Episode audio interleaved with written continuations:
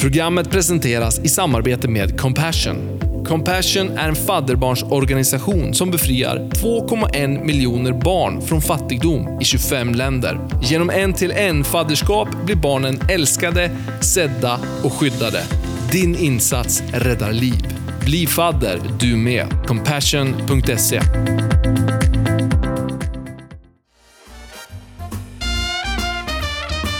Mina damer och herrar, låt mig presentera Poddshowen! Ja, välkommen till poddshowen! Damer och herrar, Tack så panelen. mycket, tack så mycket. Hur har vi det? Bara bra. Otroligt bra. Jo tack. Hur är det med biceps, Ronja? Vad sa du? Biceps? Ja, dina biceps. Hur mår de? Alltså det här är ju så roligt. Jag Vet- vet. Du vet att jag, Jag vet. tränade biceps idag? Jajamän! Det var så konstig fråga. Jag gick förbi här uppe i den här byggnaden vi Nu blir befinner jag oss så här i. generad. Typ. Och, Ronja står och vrålpumpar biceps. Jättekul ju. Får jag en riktigt skön bild i huvudet nu när du alltså det står här, ja det och så skriklyfter som tyngdlyftarna gör. Eller hur? Ja. Jag sa precis till en kollega här uppe, de bara vad tränade du? Och jag bara ehm, ja, bröst och biceps. De bara discogym liksom. Ja, och, jag bara, ja, och jag bara ja men jag tänkte ju att jag skulle köra ett lugnare pass och då tänkte jag då tränar jag det som jag aldrig tränar. Så, så att det var ju liksom by chance. Mm. Ja men vad tyckte du då? Såg jag stark ut? Så bra ut, du hade bra vinkel liksom. Bra, vad säger man? Ja, Ja. bra vinkel. Precis, bra teknik. Marcus Exakt. erfaren biceps. Jajamän. biceps. Discogymmaren Marcus. Och biceps, det är ju såhär fredag. Fredag, lördag. Ja, ja, exakt, det var det Måndag, onsdag, torsdag, sa. fredag, lördag. Ja, gud. Ja men härligt. Ni övriga då? Ja, ja det var länge sedan jag Så körde biceps, om det Var är det? som är frågan. Ja.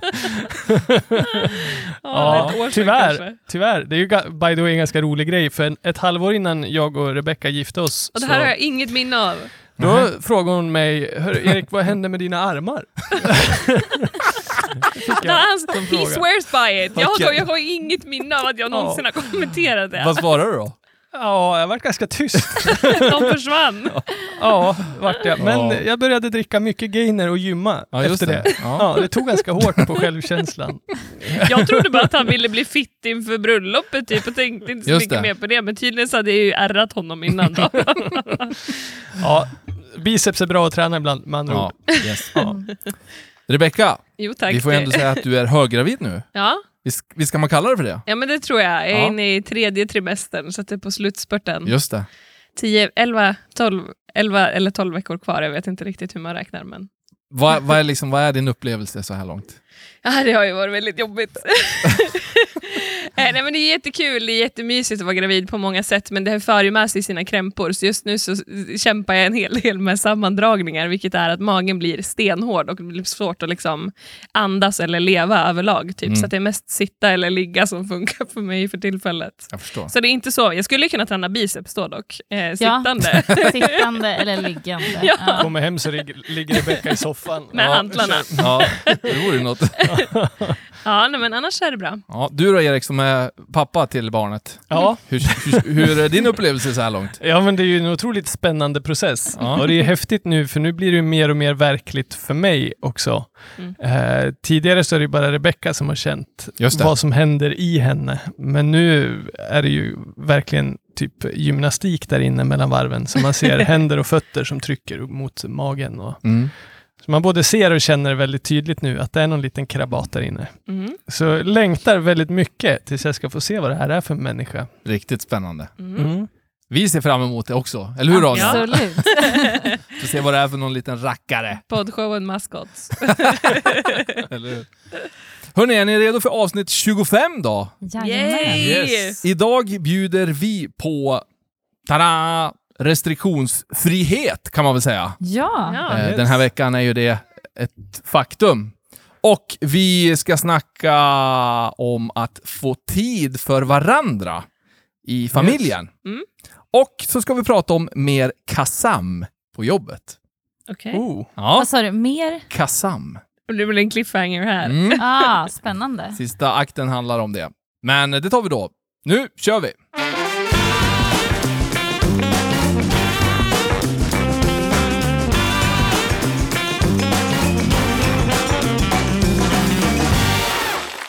Ja men visst, första akten Jag tycker, den går ut på att panelen som består av Erik, Ronja och Rebecka då, att ni ska säga era åsikter i de ämnen som jag lyfter fram här. Är ni redo? Yes. 29 september var ju datumet då den här veckan då som det här avsnittet släpps, som restriktionerna släpps.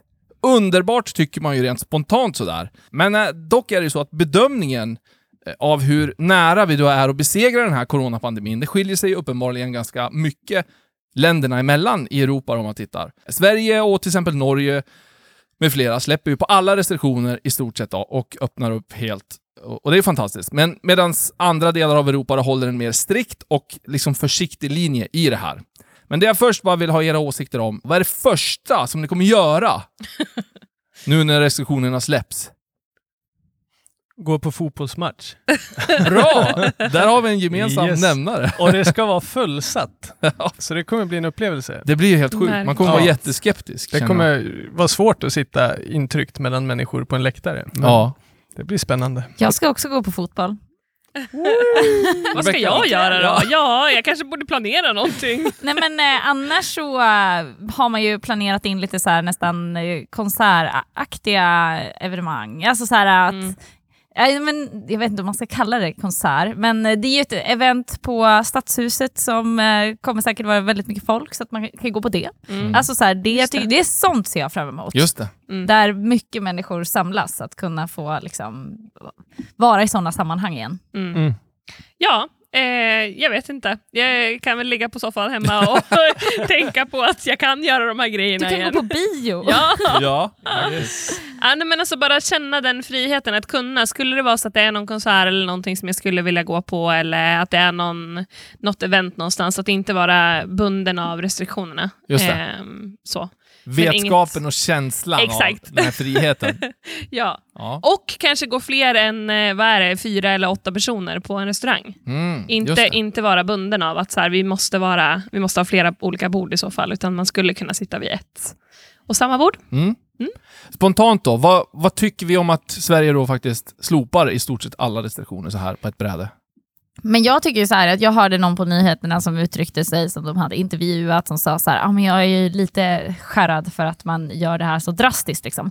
Men det är inte så drastiskt. Alltså, de har ju haft olika så här, stadium om hur det här ska öppnas. Så att det har ju varit väl planerat och väl strukturerat. Sen tror inte att jag är den till att döma om det här är rätt plan, rätt att göra eller inte. Liksom så här, men jag får ju någonstans lita på professionen här. Och jag eh, tycker ju att man ska ha tittat mer på kanske de skandinaviska länderna när vi har liksom gjort vår coronastrategi. Eh, för jag tycker ändå att man kan dra den jämförelsen med dem. Eh, och nu öppnar ju också Norge samtidigt som oss och det tycker jag ändå så här, ja men bra. Så här, då, då gör vi ju lika som dem. Vi har någon fler med oss i alla fall på det här tåget. liksom. eh, så det är väl mina spontana tankar. Mm. Ja, jag var nog lite skeptisk till en början, för ganska precis, undrar om det var bara några dagar innan jag hörde det här, så hörde jag också att delstaten Alberta i Kanada hade öppnat upp, tagit bort restriktionerna, men gick tillbaks till ett eh, samhälle med restriktioner igen. Så jag tror att min första känsla var så här, åh, ska vi göra likadant? Så här, öppna upp och ge alla hopp och så sen börja stänga igen igen. Mm. Men som Ronja sa så kan man ju inte göra annat än att lita på att de som tar de här besluten har gjort ett bra jobb. Och jag tänker att jag får lita på det också. Och jag tänker att det är många etiska dilemman i det här också. När det kommer till att ja, men de som inte har vaccinerat sig har ju ändå fått en chans nu och, ja, och så vidare och så vidare. Det är ju de det kommer drabba värst. Och, Mm. ja, det är mycket sånt där som Ja. jag tycker snurrar till det här beslutet ganska mycket. Men jag tycker på ett sätt att det är bra att Mm. det öppnar upp för vi som har vaccinerat oss kan ju inte heller riktigt leva med att ja, i skymundan för att det är människor som inte vill ta den chans som finns. Just det. Mm. Jag ser det väl lite som att det finns en cancermedicin, eh, men man väljer att inte ta den. Liksom. Just det. Mm. Mm. Tänker väl jag. Men eh, jag tycker det är jättesvårt. Och det finns ju jättemycket, tänker jag, alltså, att säga om vaccinationen och sånt, alltså överlag. Men om vi inte pratar om det, om vi pratar om bara att restriktionerna lyfts, så tycker jag att det är, det är bra. Men jag kan också känna en liten så här, åh, är det verkligen bra att lyfta alla restriktioner? Mm. Eh, jag vet, alltså som Ronja säger, att så här, det har gått i flera etapper och flera steg, det är jag medveten om. Men vi ser också nu när det börjar närma sig hösten, alltså jag tycker i alla fall att medierna rapporterar att så här, smittan ökar igen. Mm. Eh, och då blir jag lite så här, ah, undrar hur det kommer se ut nu med vaccinationen, alltså typ så här, hur hårt blir folk drabbade av corona nu? Hur kommer viruset utveckla sig, eh, muteras och så vidare. Och bara så här, det, blir, alltså det är ju det är ju som att spå in i framtiden, det går ju inte. Så att jag tycker någonstans att det är rätt beslut att öppna upp för att man kan ju inte bara begränsa för att begränsa ifall att. Liksom. Då skulle vi leva i ett begränsat samhälle jämt. Just det. Så att, ja, jo, men overall så tycker jag att det är bra, men det blir intressant att se hur det här utvecklar sig. Mm. Ja, men det blir verkligen det. Och jag hörde självaste Tegnell också då. Eh, alltså, vilken legend han har blivit. Tänk om man kan bara slänga sig med det uttrycket. Ja. Tegnell. Ja, För, alla vet vad man är. Ja, för två år sedan bara, eh, va? Vem? Vem är han? Vad är Folkhälsomyndigheten? ja, men faktiskt. Har vi ens en sån? ja. Det är en bra poäng. Han sa ju det att vi kommer behöva lära oss, det här är ju en, en, ett virus, är det väl, eh, som vi behöver lära oss att leva med i samhället helt enkelt. Mm. Så att bara hålla stängt hela tiden är ju inte heller en lösning. Liksom. Nej.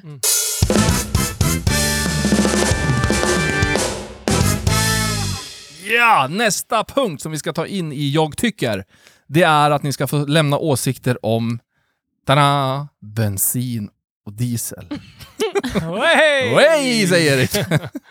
Oj. Nej, men så här är det ju. Dels är det ju, eh, vi hörde ju i Storbritannien, säger man väl, eh, att där var det ju brist på ja, bensin och diesel helt enkelt. Eh, det kopplades inte till Brexit vad jag förstår, för att arbetarna som kör de här truckers, tradarna, lastbilarna med ja, soppan i så att säga, och för att fylla på pumparna, de, de var många utländska då.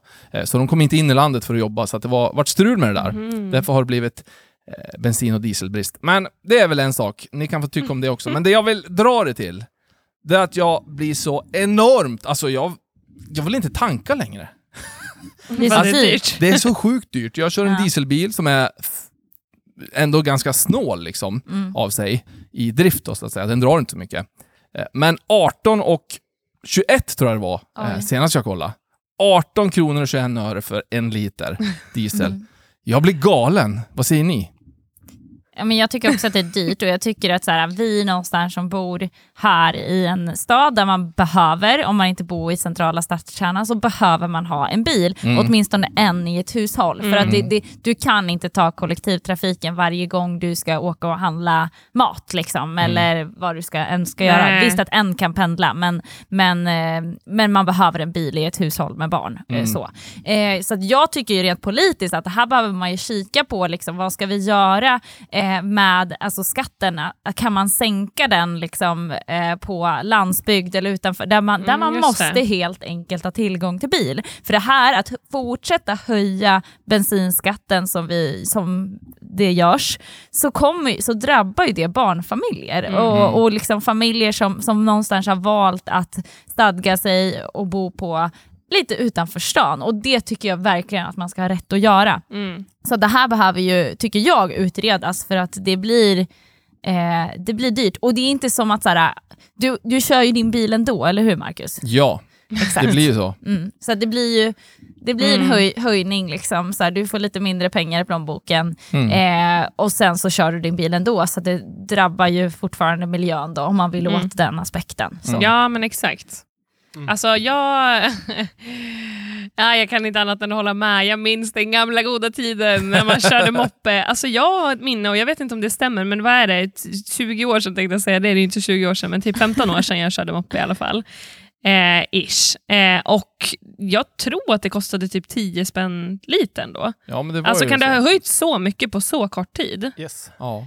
Eh, och ja, för då var det ju verkligen så här, ja, jag kunde få tanka full tank typ i min lilla moppe på 50 spänn ungefär. Alltså det, var ju verkligen... otroligt, Ja. Eh, men jag ser ju mest, mestadels så ser ju jag på vårt eh, kontoutdrag eh, när Erik har tankat och säger så här, oj, oj, oj, oj, oj, det är dyrt. För jag tankar ju oftast inte. Just det. jag vet inte riktigt hur man gör. Jag har lärt mig. Men eh, eh, jag ser på vårt kontoutdrag och blir liksom så här, måste vi verkligen ha all den här bensinen? Så att ja, I feel you, Marcus. Mm. Bra. Men, eh, Jag eh, ja. läste om det där idag, Jaha. om eh, dieselpriserna. Och har man en 50 liters eh, dieseltank i bilen Ja, så kostar det ju alltså 200 kronor mer per tank Mm. idag än vad det gjorde för sex månader sedan. exakt. Oj! Mm. Så att det har ju skjutit i skyarna det sista halvåret. Och det har väl dels med den dippen som var när corona kom, Precis. tänker jag. För då sjönk ju eh, oljepriserna. Eh, och så Just sen det. så är det ju faktiskt oljepriserna som höjs nu. Ja, Mm. Så att det är ju, skattemässigt tror jag den ligger kvar ganska samma, men oljepriserna går ju i höjden. ja. Mm. Eh, och det, ja, jag vet inte, det kommer väl av någon anledning. Men jag tycker ju oavsett att, mm, ja, när det börjar närma, nu kan man ju faktiskt säga det börjar närma sig 20 kronor litern. ja. Eh, då tycker jag att då måste vi väl kunna göra någonting åt det priset. Ja, men för en stor del jag. av det är väl skatter ändå. Det är mycket Ja. som är skatt. Alltså, Ja, och är vi är mycket- ju sjukt bra på att beskatta saker i det här landet. Mm. Så Jo, Ja. Det är jättemycket skatt och vi skulle nog kunna ta- betala 12 kronor eh, litern och fortfarande skatta en hel del till Sverige eh, på det också. Ja. Så att, eh, ja, men det, ja, jag har ju inte exakta siffror, men jag tycker det är ganska drygt också. Och speciellt när man vill trycka in folk i ett elbilssamhälle, Mm. men det finns ingen billig elbil som man kan köpa på andrahandsmarknaden. Mm. Alltså Nej. som ersätter de här 10-20 tusen kronors bilarna som Nej, många åker runt i. Mm. Eh, som man har råd med. Så det Mm. tycker jag, f- fram Mm. tills dess i alla fall, så borde det ju vara billigare att köra bil. Absolut. Sverige, jag tittade på någon lista och Sverige ligger där i topp, ja fem i alla fall, på dyraste diesel och bensinpriserna i, Mm. i de här länderna där man mäter det här i alla fall. Då. Så att vi ligger ju väldigt dyrt Mm. till, om man säger då. Men, men, det här drabbar ju en helt vanlig eh, familjefar eh, familjemor och singel och blivande och allt ihop, alla som kör bil. Ja. Så, mm, det är lite störande, men man förstår ju också såklart allt det här med miljöbiten och så vidare och så vidare. Men det, det liksom finns ju... Det finns ju andra saker man kan göra, Ja, tänker jag. precis. Typ beskatta plastpåsar. Nu var det roligt Rebecka, det där var bra. Jag jobbar på det. Ah, Sån himla symbolpolitik. Ja. Men de hade ju fått in lite för lite pengar på det där. Ja, det var ju det värsta. Ja, eller hur? att Vi de tjänade liksom, inte tillräckligt. nej, nej, men alltså, de hade ju budgeterat för att de skulle få in så här Mm. mycket på plastpåseskatten. Eh, men budgeten höll ju inte för att folk slutar ju köpa Ja. plastpåsar. Ja, såklart. Ja, Ja. exakt. Och då har man ju ändå, då ska man ju vara glad, Exakt. för då har man ju nått sitt mål. Då, då, att Men då få blir man färre- besviken. Ja, då blir man besviken. Men man då fick inte in de där Då höjer vi skatten på bensinen istället. Ja. Och diesel. ja, härligt. Tack för era åsikter, panelen. Varsågod.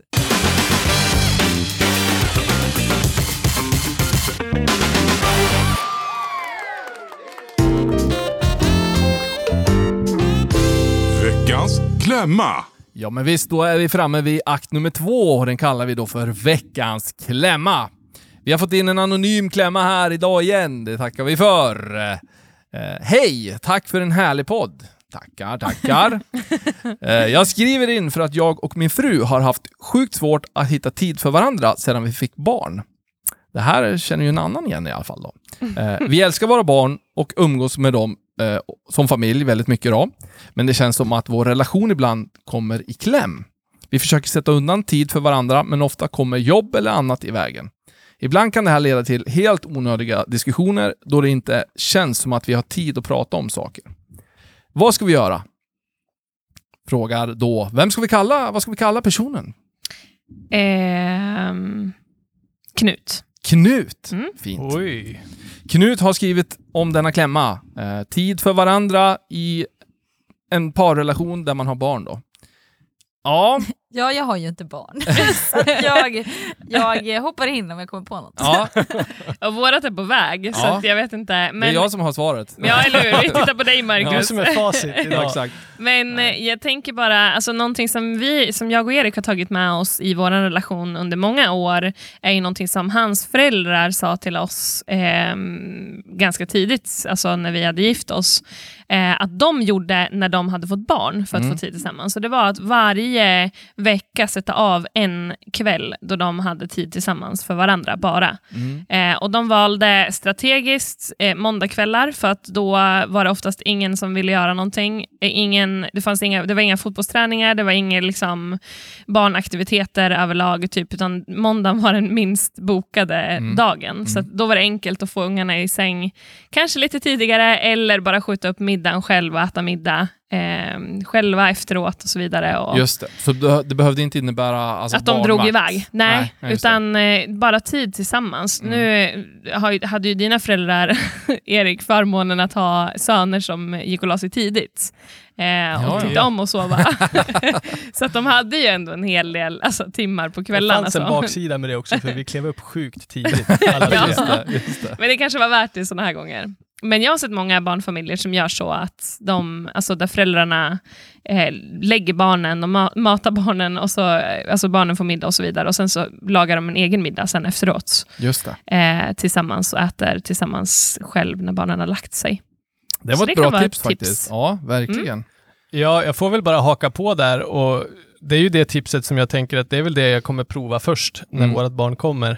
Och jag tror att man bara behöver vara, för jag tänker, han- skrev ju också att han eh, eh, de har försökt planera in tid Mm. tillsammans. Mm. Och det tror jag väl, kontinuiteten, vad säger man? Säger man så? Kontinuitet. Kontinuiteten. Ja. Kontinuiteten. Det är du och jag, Ronja.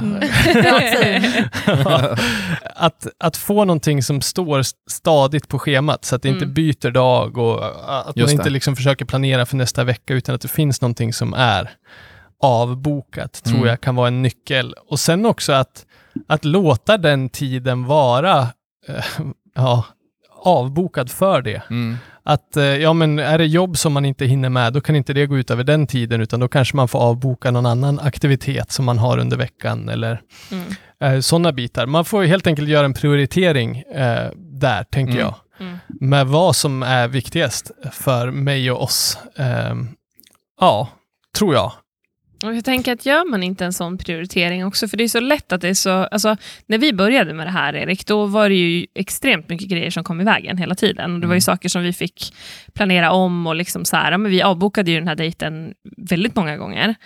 Eh, men sen så bestämde vi oss för att nej, men för att vi ska, för att vår relation ska må bra, för att vi ska hålla, för att vårt äktenskap ska må bra och i framtiden nu vårt föräldraskap, alltså hela vårt familjeliv ska funka, så behöver vi ha tid tillsammans, bara vi. Liksom. Eh, och då blir det lättare att... I början är det svårt att tacka nej till saker eller säga att man inte kan, för att man skulle ju potentiellt kunna. Liksom. Mm. Eh, men har du bokat någonting med någon annan, alltså har du bokat in någon, någonting med någon kompis, då hade du kanske inte avbokat det på samma sätt om något hade kommit i vägen. Så det är bara för att det är den som står dig närmast som du kanske känner att ja, men vi kan väl tumma på det här den här Mm, gången. Liksom. mm. Eh, Så prioriteringen tror jag är viktig för att man ska hålla i längden. Liksom. Jag tycker det är ett jättebra tips, alltså, verkligen. Och just det där konkret som ni hade fått från Eriks föräldrar då. Mm, Eh, att ja, men laga en middag när barnen sover liksom, och, och ta lite tid. mm, Det är suveränt.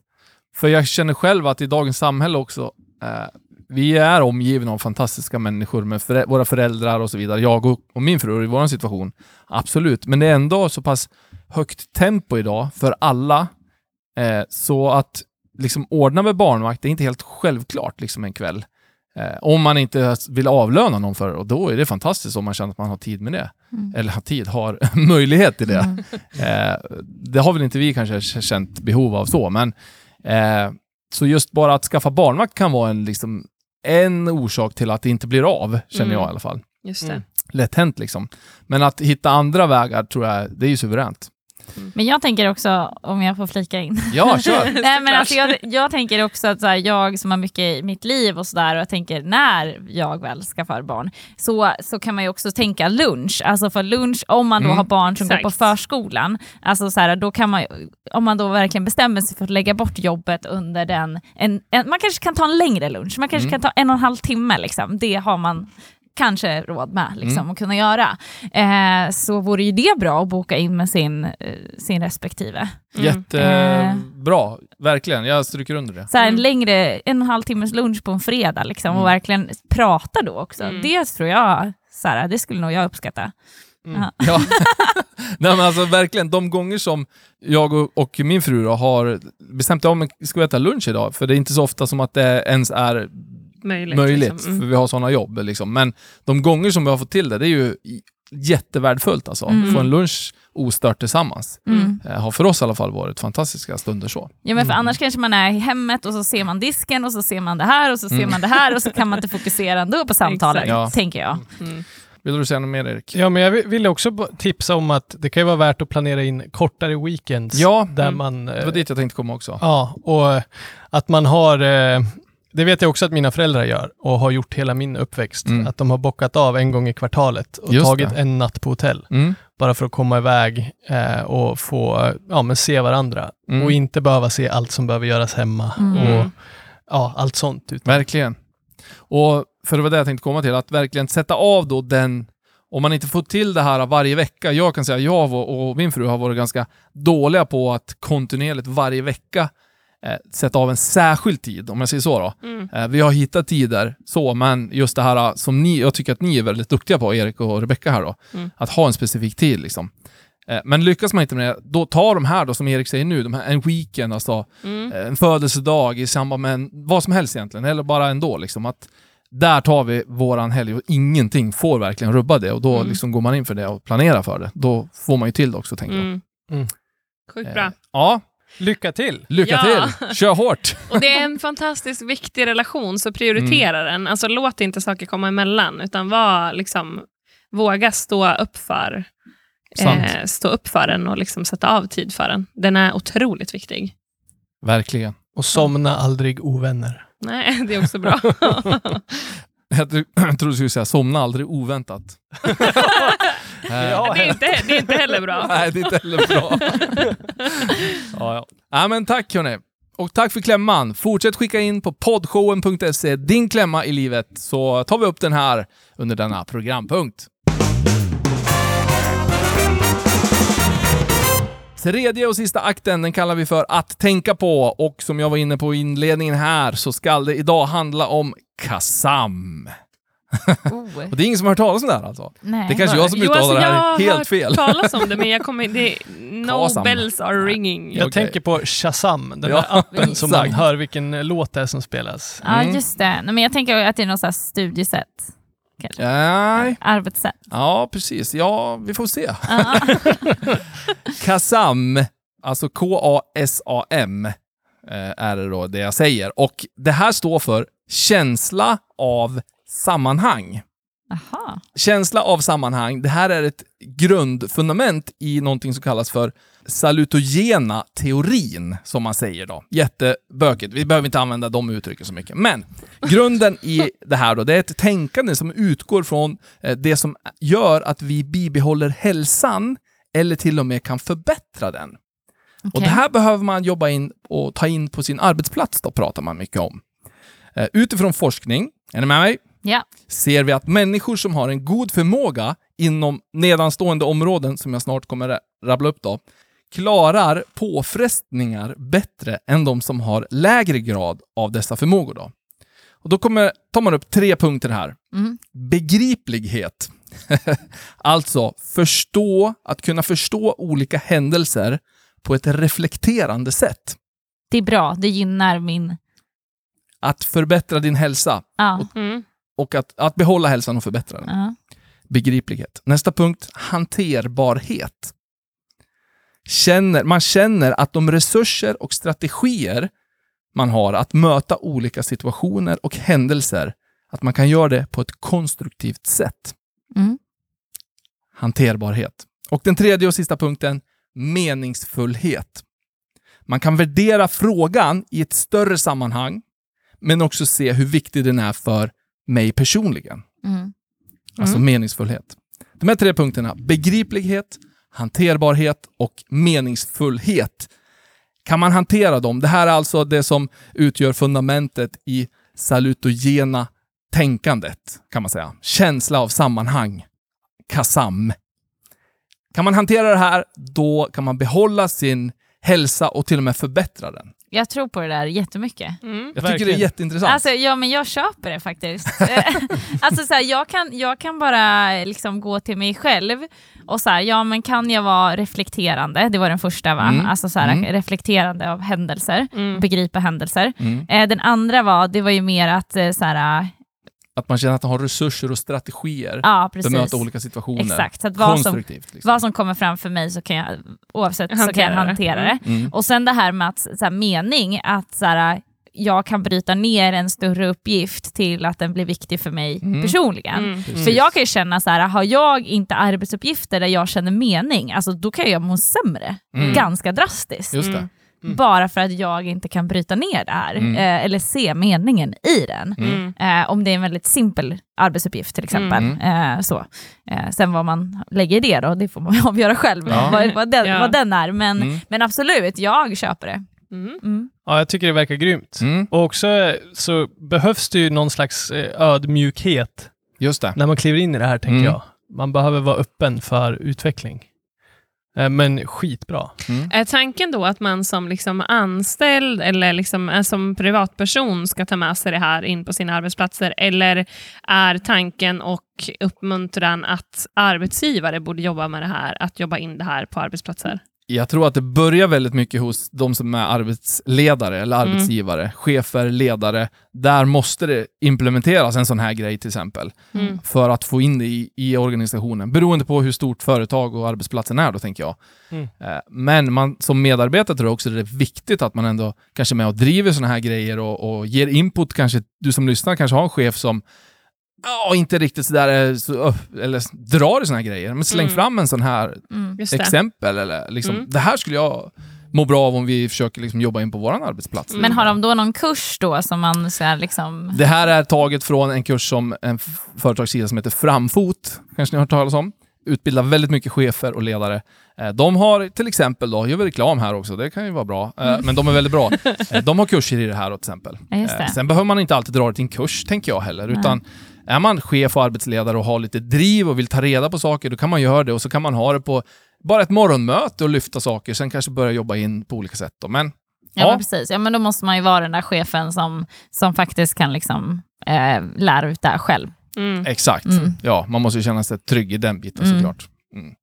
Men är du arbetstagare liksom, och, och en sån här riktigt härlig människa som arbetar på liksom, och gör din grej. Jag tycker det är bra. Släng fram olika förslag och tankar till den som, är, ja, den som beslutar om det här. Liksom. Mm. Eh, Det tycker jag bara är positivt. Mm, man gör liksom. Mm. Men som sagt, det var en snabbkurs i KASAM här nu då. Känsla och sammanhang. Eh, behåll hälsan och till och med förbättra din hälsa. Så använd sådana här knep. Det kan vara bra. Grymt! Grymt ju. Grymt. Avsnitt 25 eh, går till sin... Goes to the books. Yes! tack för idag kära vänner. Och tack till er som lyssnar på oss. Grymt uppskattat att ni är med oss de här eh, programmen. Som sagt, jag säger det igen, podshowen.se. Gå in där, där kan ni lämna lite feedback om ni vill eller skicka in en klämma. Och eh, fram tills nästa fredag så säger vi tack och hej! Hej då! Adjö.